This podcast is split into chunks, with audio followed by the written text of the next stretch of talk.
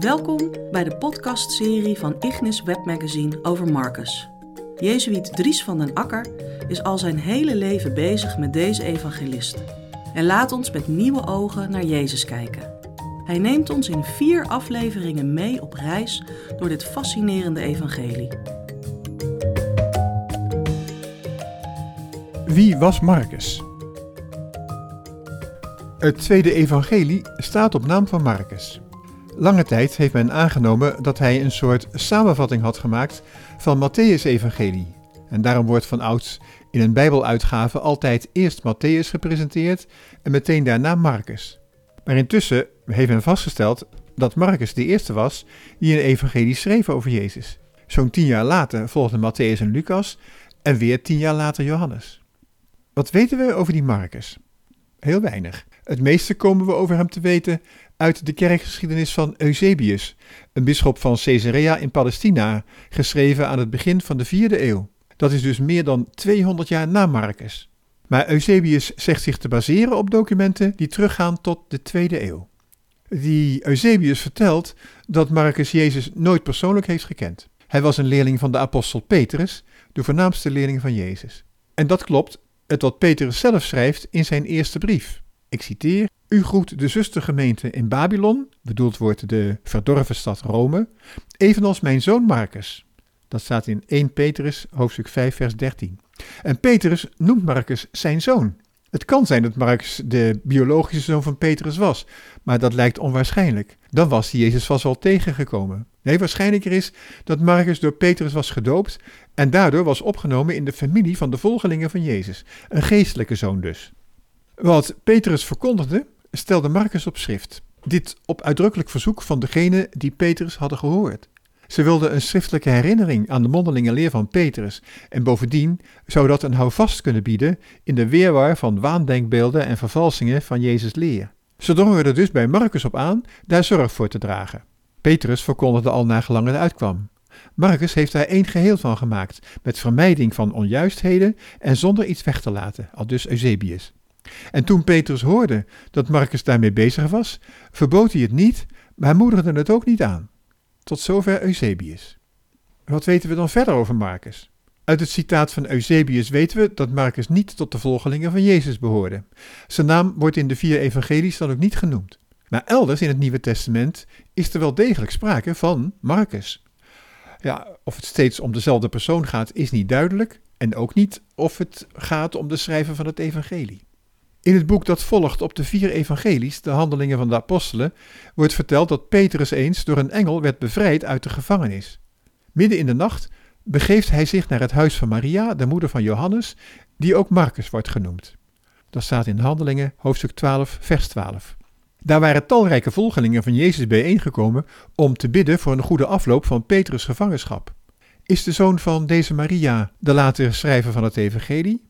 Zou heel goed kunnen. Als Petrus goed contact had met de moeder van Marcus, kan hij haar zoon vertrouwd hebben gemaakt met de leer van Jezus en hem later hebben gedoopt. Even verderop in de handelingen horen we hoe twee leerlingen, Paulus en Barnabas, en ik citeer maar weer, Johannes, die ook Marcus genoemd wordt, vanuit Jeruzalem meenemen naar Antiochië. In de handelingen hoofdstuk 12, vers 25. Deze Marcus is hoogstwaarschijnlijk dezelfde als de zoon van Maria. In Handelingen 13:13 13 horen we hoe Johannes zich afscheidt van Paulus en dienstgezelschap en naar Jeruzalem terugkeert. Is dat nog steeds onze Marcus, die Johannes? Ging hij terug naar het huis van zijn moeder in Jeruzalem? In het vervolg horen we hoe Barnabas, Johannes, Marcus dus, wil meenemen op de volgende verkondigingsreis. Maar Paulus vond het beter iemand die hem eerder in de steek had gelaten niet meer mee te nemen. En het meningsverschil liep zo hoog op dat ze uit elkaar gingen. Barnabas scheepte zich samen met Marcus in om naar Cyprus te gaan en daarna horen we in de handelingen niets meer over Marcus. Maar ook de brieven van Paulus is er weer sprake van Marcus. In de brief aan de Colossense, ik citeer, de groeten van Aristarchus, mijn medegevangene, en Marcus, de neef van Barnabas. Colossense, hoofdstuk 4, vers 10. Deze brief werd mogelijk geschreven toen Paulus in Rome in de gevangenis zat. In dat geval kunnen we concluderen dat Paulus en Marcus zich intussen met elkaar hadden verzoend. Eh, dat het om dezelfde Marcus gaat, is weer niet zeker. Maar Paulus noemt hem de neef van Barnabas.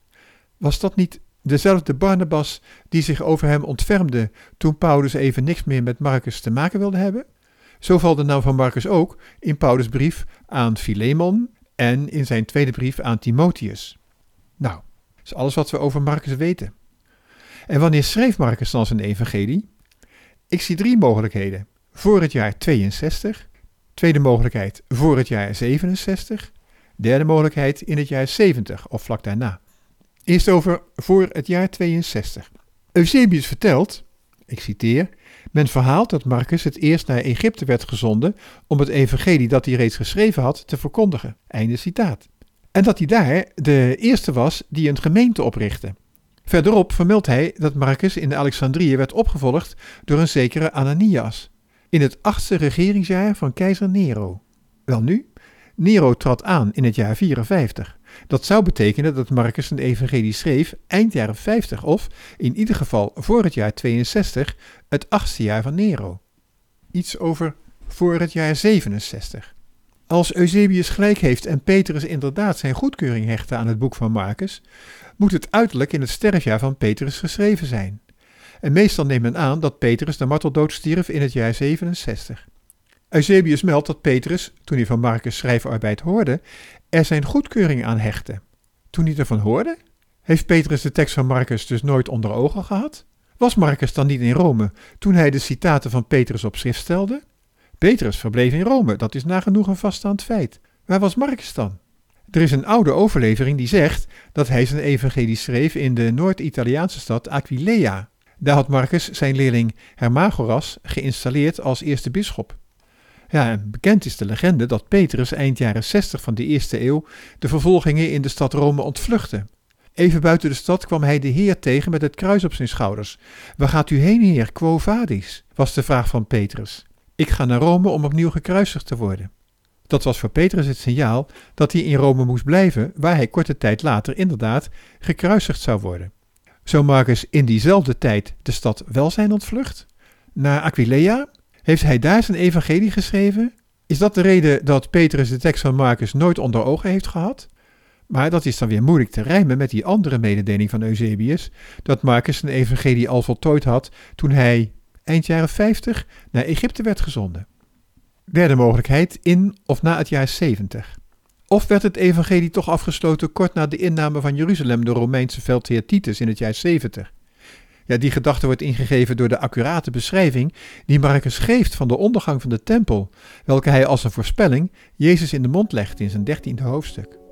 Nou, met deze schamele gegevens en veronderstellingen zullen we het moeten doen. De belangrijkste bijdrage van Marcus is het feit dat hij ordening en structuur heeft aangebracht in de verhalen die hij van Petrus kende.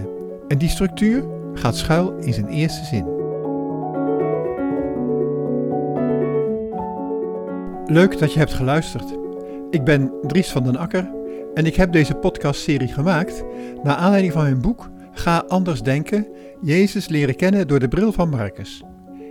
In dat boek wil ik laten zien hoe mooi het evangelie van Marcus geschreven is, hoe knap het is gecomponeerd en welke verrassende verbanden hij legt tussen verschillende gebeurtenissen door dezelfde woorden te gebruiken. En hoe die voortbouwt op de religieuze traditie van het Oude Testament. Volgens Marcus komen alle lijnen van het Oude Testament in de persoon van Jezus bij elkaar. Hij brengt mij Jezus heel nabij als een bewogen mens.